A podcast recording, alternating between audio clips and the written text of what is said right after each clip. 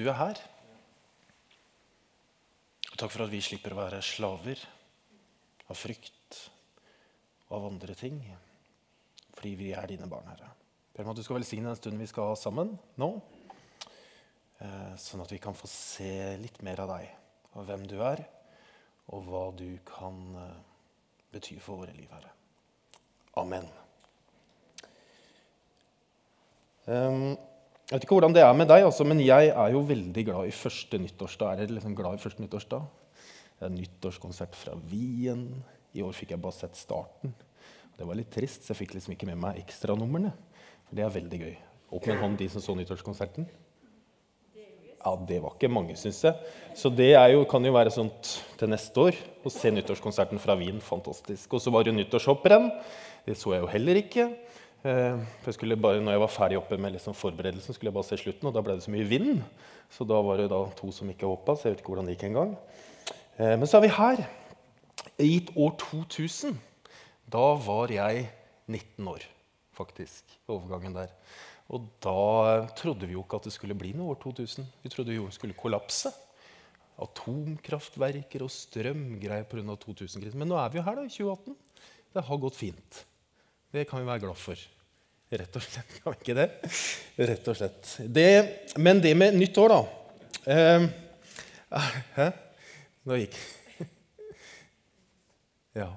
Et nytt år er fint, syns jeg. Markere et nytt år. Fordi eh, Jeg vet ikke hvordan det var med deg, men for noen av oss så var fjoråret det var vanskelig. Eh, vi noen, fikk noen gjester på besøk som ikke ville gå. Eh, som vi ikke hadde invitert, kanskje som var sykdom eller ulykker eller andre ting.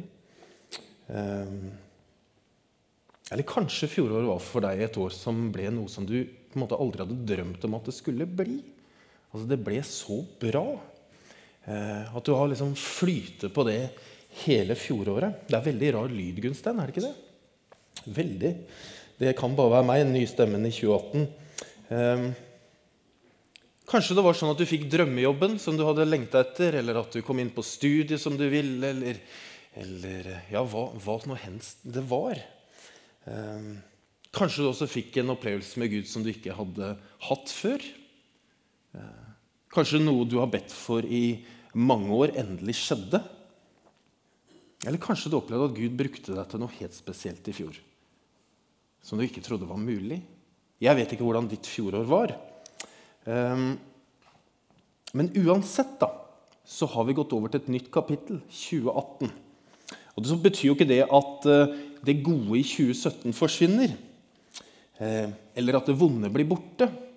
Eller at den smerten som vi bar på i fjor, den bare den stopper nå. liksom. Ehm, det er ikke noen sånn automatikk i det.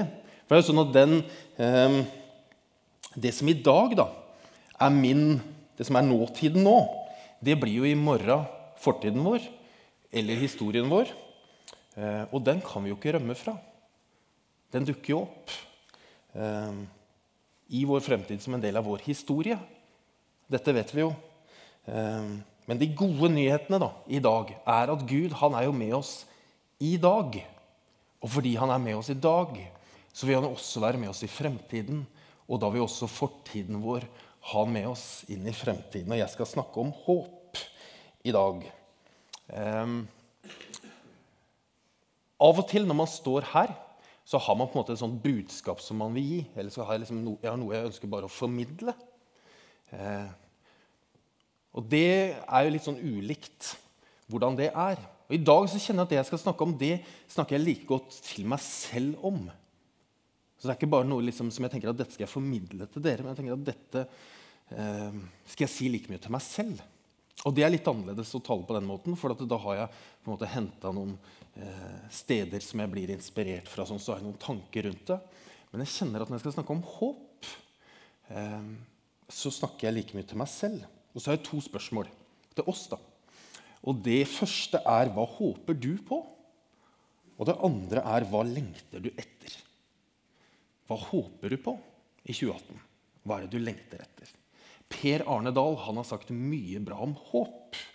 Og han sier at den som vil forstå øyeblikket og være i stand til å se fremover, må se bakover og lære ved å erindre. Ikke slik at minner blir livsmotets kilde, og at sentimental idyllisering av de gode gamle dager blir håpets orienteringspunkt. Men det er sammenhengene mellom de lange linjene og de avgjørende øyeblikkene, både for enkeltmennesker og fellesskap. Sammenhenger mellom de lange linjene og de avgjørende øyeblikkene. Altså Dersom vi vil forstå øyeblikket og være i stand til å se fremover, så må vi se bakover. Og så må vi erindre sammenhengene mellom de livslange linjer og de avgjørende øyeblikkene. Henger dere med? Bra.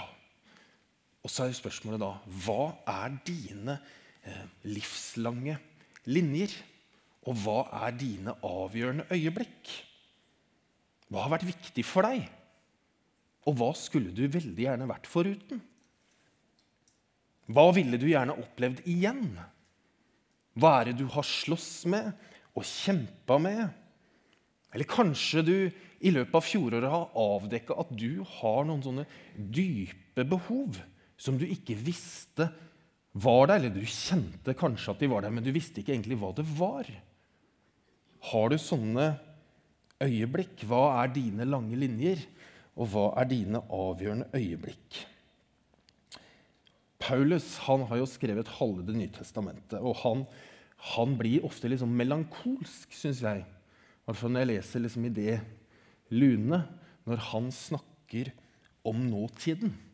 Han skriver i Romerbrevet kapittel 8 at vi vet at helt til denne dag sukker og stønner alt det skapte samstemt, som i fødselsrier, ja, enda mer også vi som har fått Ånden, den første frukt av høsten som kommer, sukker med oss selv og lengter etter å bli Guds barn, fullt og helt, når kroppen vår blir satt fri. Altså, det er altså noe i dag som ikke er fullkomment. Vi har sett en begynnelse, men det kommer noe mer. Og Når Paulus skriver dette og skriver om den første frukt av høsten som kommer, så visste i hvert fall jødene veldig godt hva det var. For det var jo en velkjent feiring i den jødiske kulturen. Når de høsta den første hveten, så kalte de det for shabot. Nå blir det sånn houseparty her. Um, det, men da feira de den første innhøstningen med forventning om at det kom noe mer. Så at vi som tror, eller du som tror på Jesus, har fått Ånden som den første frukt. Det betyr at det kommer noe mer. Ja, den Ånden er viktig. Det er den første frukten, men det kommer noe mer som ikke er her enda. Og så er det en eh, professor som heter N.T. Wright, som jeg er veldig glad i, som er bibeloversetter og, og, forsker og forfatter og sånt. Og han skriver om dette avsnittet her.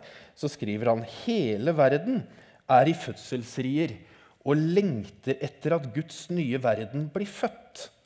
Og så skriver han Kirken er kalt til å dele de smertene og det håpet.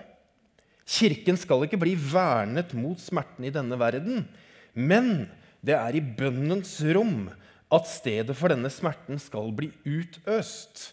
Det er en del av vårt kall og vår spesielle rolle i Guds plan for den nye verden. Så hva skal vi gjøre når vi kjenner smertene på kroppen? Hva skal vi gjøre da? Jo, da skal vi gå til Gud med den.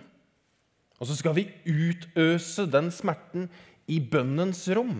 Det skriver N.T. Wright. Der skal vi sette ord på den, vi skal sette følelser på den. Vi skal sette hele oss med vår smerte i bønnens rom. Hvor vi skal uttrykke den overfor Gud. Fordi Gud tåler oss. Hør her.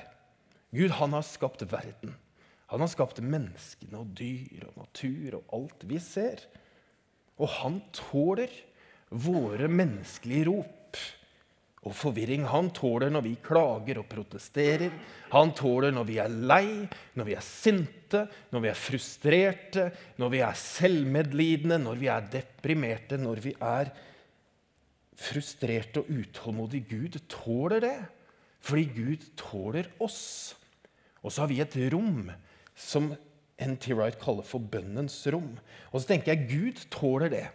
Men hvem flere er det som skal tåle det? Jo, vår menighet skal jo tåle det. Fellesskapene våre skal tåle det. Eh, småfellesskapene våre skal tåle at det er smerte i livet. Tjenestene vi står i, skal også tåle det. At der er det rom for at ikke alt er like ålreit hele tiden og bare fest og odd og bra, liksom. Og kirken og menigheten skal tåle det. Hvorfor det? Jo, fordi det er vårt kall. Det å tåle andres smerte. Det er en som sier at man skal dra liksom, eh, andres smerte inn i håpets katedral. Og håpets katedral det kan jo være mange ting. Noen tenker at det kan være kirkerommet, som vi tar smerten inn i. Noen har en håpets katedral i bilen, som er deres sted, hvor de utøser sin smerte overfor Gud. Noen har det i en stol, andre har det på et kontor. Men hvor er ditt håpets katedral? hvor du kan øse ut din smerte overfor Gud. For jeg tenker at selv om vi er en del av en stor Vi kan jo kalle det en stor menneskemasse. Det er lov, Helge, er det ikke det? Jo. Selv om vi er en del av en stor menneskemasse, så trenger vi vårt individuelle sted, som er vårt håpets katedral. Og så lurer jeg på en ting. Og det er om du har mennesker rundt deg som tåler din smerte i det året du går inn i nå. Altså, Hvis du er en del av et småfellesskap, har dere snakka om det der? At småfellesskapet er et sted hvor man kan sette ord på smerten i livet. At vi ikke bare snakker om liksom, fester og feiringer og klær og hvordan det går med Odd. Og det kan jo være smertefullt, egentlig, det også. Men, men at det ikke bare er liksom, det vellykka og gode, men at dere også har et sånt sted hvor det kan dele deres smerte og sette ord på den. Og så skal man jo ikke bare snakke om smerte, for hvis man bare snakker om smerte, så er det ingen som vil komme til slutt. Men, men smerte henger så nøye sammen med håp. Og så handler jo ikke livet med Gud primært om smerte. Det gjør ikke. Selv om det er mange som opplever det, spesielt steder eh, et stykke utenfor Norge, så har vi det veldig godt her. For her kobler ikke vi kristen tro og smerte så veldig konkret ofte.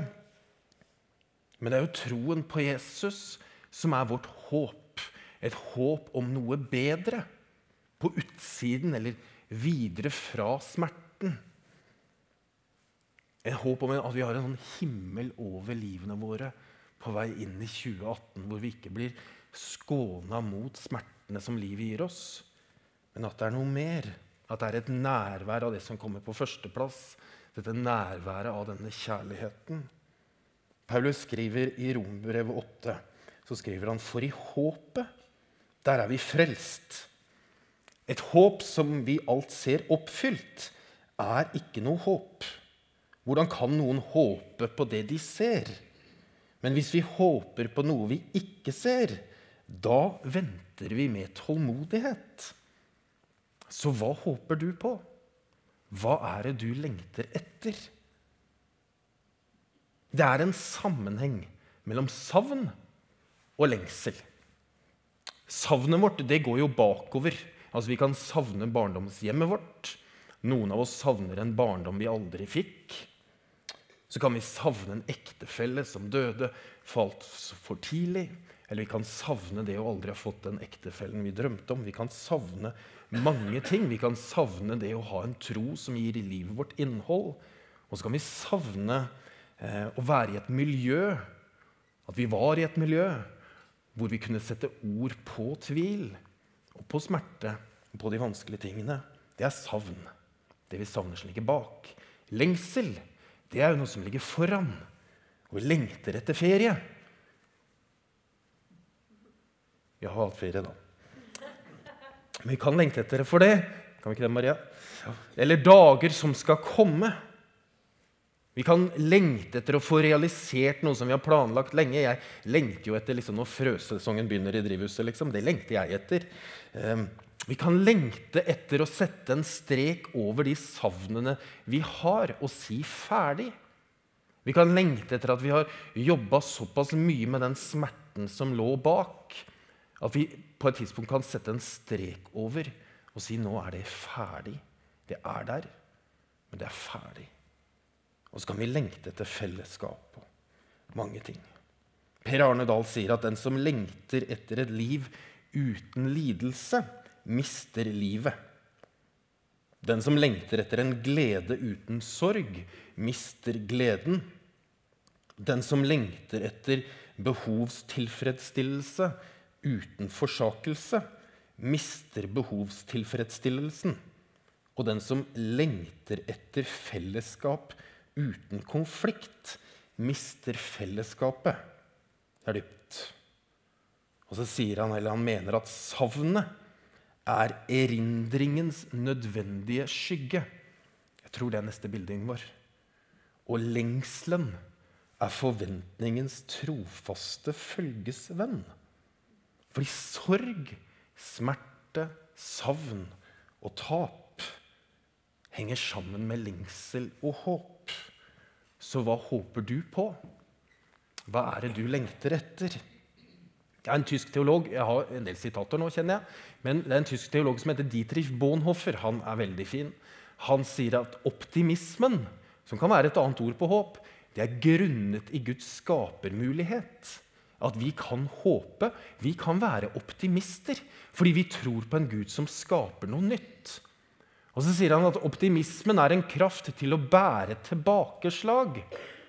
En kraft som aldri overlater fremtiden til din motstander. Det er som han sier at så lenge det er håp, så er det liv. Jeg har hørt det at uh, det er jo vanlig å si så lenge det er liv, er håp. Og så har jeg hørt at hvis du da går til en, en veldig god sånn indremedisiner eller en, en, en, doktor, så finner han jo alltid at det er på en måte at det er ikke så mye håp, selv om det er liv. Så det er bedre å si at så lenge det er håp, er det liv. Um, fordi håp er jo optimisme.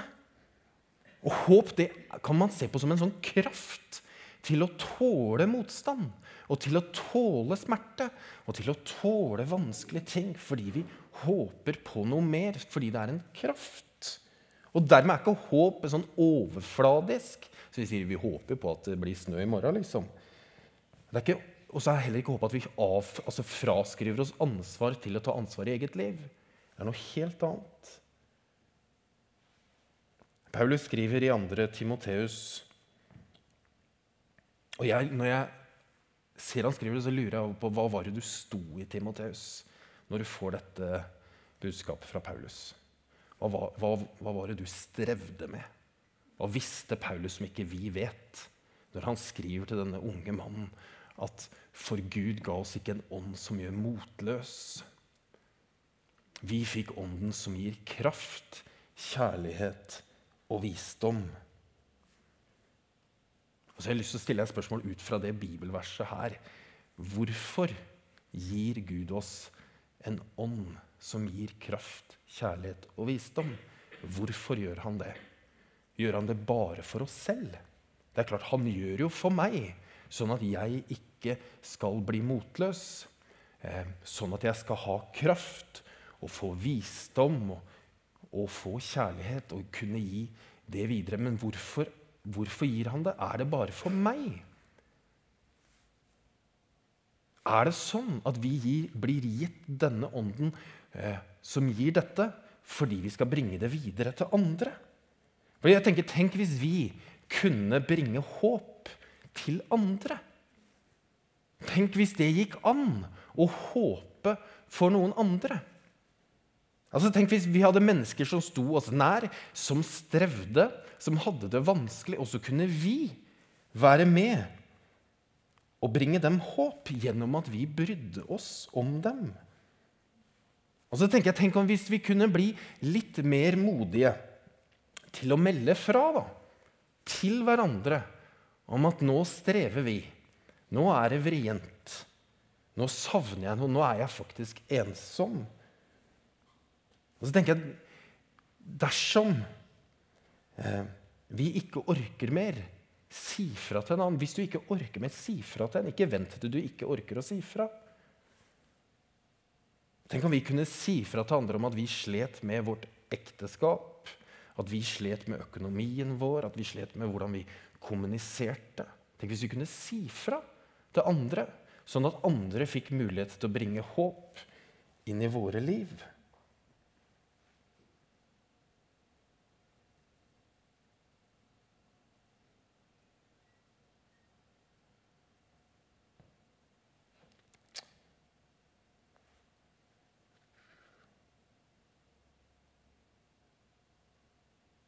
Jeg bare tenker. Hvis du lurer på hvorfor jeg var stille. Um,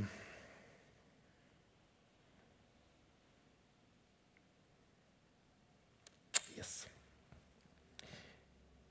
Nå lurte dere veldig på hva jeg tenkte på. Gjorde ikke det? Ja. Jeg bare lurte på om jeg skulle si noe, men så hopper jeg over det. Så sier jeg det neste i stedet. Kan vi heller ta det på tomannshånd? Jeg tenkte faktisk at jeg skulle vise Vi, altså vi som er i stab her da, i SMK, vi er nå faktisk syv stykker. Det er en i Sandefjord som er liksom utstasjonert, og så er vi seks stykker her. Vi har ti stabsregler, eh, faktisk. Og det har vi fordi vi trenger det. Og så tenkte jeg at vi skulle vise tre av de. De tre første. De skal jeg avsløre. Og de får vi opp. Det første er at vi er en stab som heier på hverandre, som oppmuntrer hverandre, som støtter hverandre og er rause overfor hverandre. Den er fin. Det er bra. Den andre er vi er åpne og ærlige med hverandre og orienterer hverandre dersom vi står i belastende situasjoner. Det er nummer to. Ja, bra. Og den tredje er vi prioriterer å ta oss tid til kollegaene våre. Den er viktig. Du vet, Vi som er stab her, vi trenger hverandre. Vi er jo ofte omgitt av mennesker sånn hele tiden. Men det er en ganske ensom post å jobbe som stab her. Ikke generelt i SMK, men sånn generelt over hele kirkelandskapet eller i sånne stillinger som vi har, så er det en ensom post. Og derfor trenger vi hverandre. Og det er litt sånn at det er egentlig bare de som står i sånne eh, arbeidssituasjoner som vi gjør, som vet hvordan det er. Og derfor trenger vi hverandre. Derfor trenger vi punkt tre at vi prioriterer å ta oss tid til kollegaene våre. Det er superviktig. Og så tenker jeg sånn er jo i livet. Det er det. Det er ikke sånn unikt for oss, det. Det er ikke sånn at Vi er veldig rare. Vi er litt rare, men ikke så rare. Men vi trenger jo hverandre. Og så har jeg tenkt, Tenk hvis dette var menighetens regler. da. Det hadde vært flott. Tenk at vi er en menighet som heier på hverandre, som oppmuntrer hverandre, og som støtter hverandre, og som er rause med hverandre. Vi er åpne og ærlige med hverandre i småfellesskapene våre, og vi orienterer hverandre dersom vi står i belastende situasjoner, og vi prioriterer å ta oss tid til hverandre. Tenk hvis det var menighetens regler. da. Tenk hvis vi levde etter det. Å være en sånn menighet at en dag så løfter jeg deg, og en annen dag så løfter jeg deg, og så hjelper vi hverandre. Tenk hvis det var sånn. Tenk det. Og hva håper du på? Hva er det du lengter etter? Og ikke minst, hvem er det du kan bringe håp til? Paulus han avslutter kapittel 8 i Romerbrevet ved å skrive følgende. Men i alt dette, altså alt, alt vi står i hele livene våre. All smerte, all sykdom, alt som går mot oss, alt som er dårlig, alt som er bra.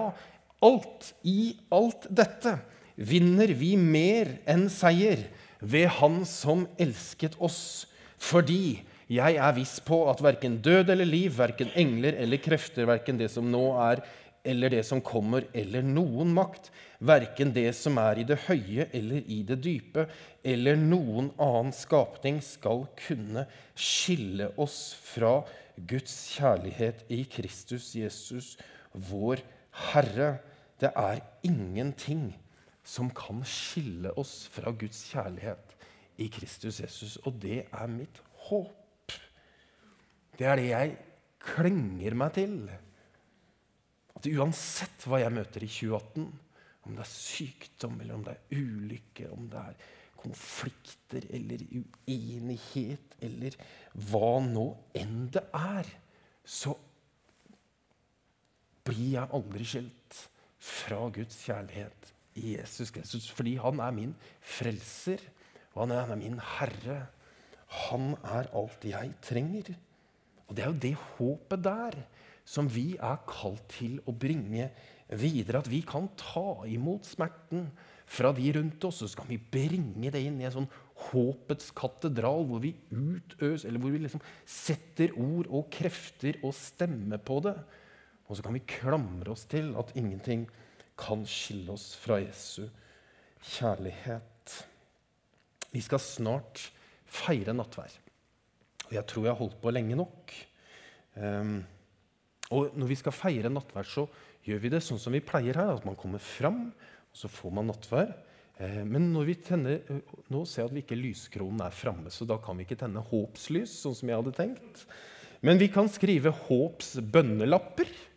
Og vi kan gå til håps forbønn for det som ligger foran. For hva er det du håper på? Hva er det du lengter etter? Og hvem er det som du kan bringe håp til? Og Nå vil jeg at vi skal være litt stille, og så skal vi tenke på det i bønn med Gud. Hva håper du på? Hva er det du lengter etter? Og hvem kan du bringe håp til?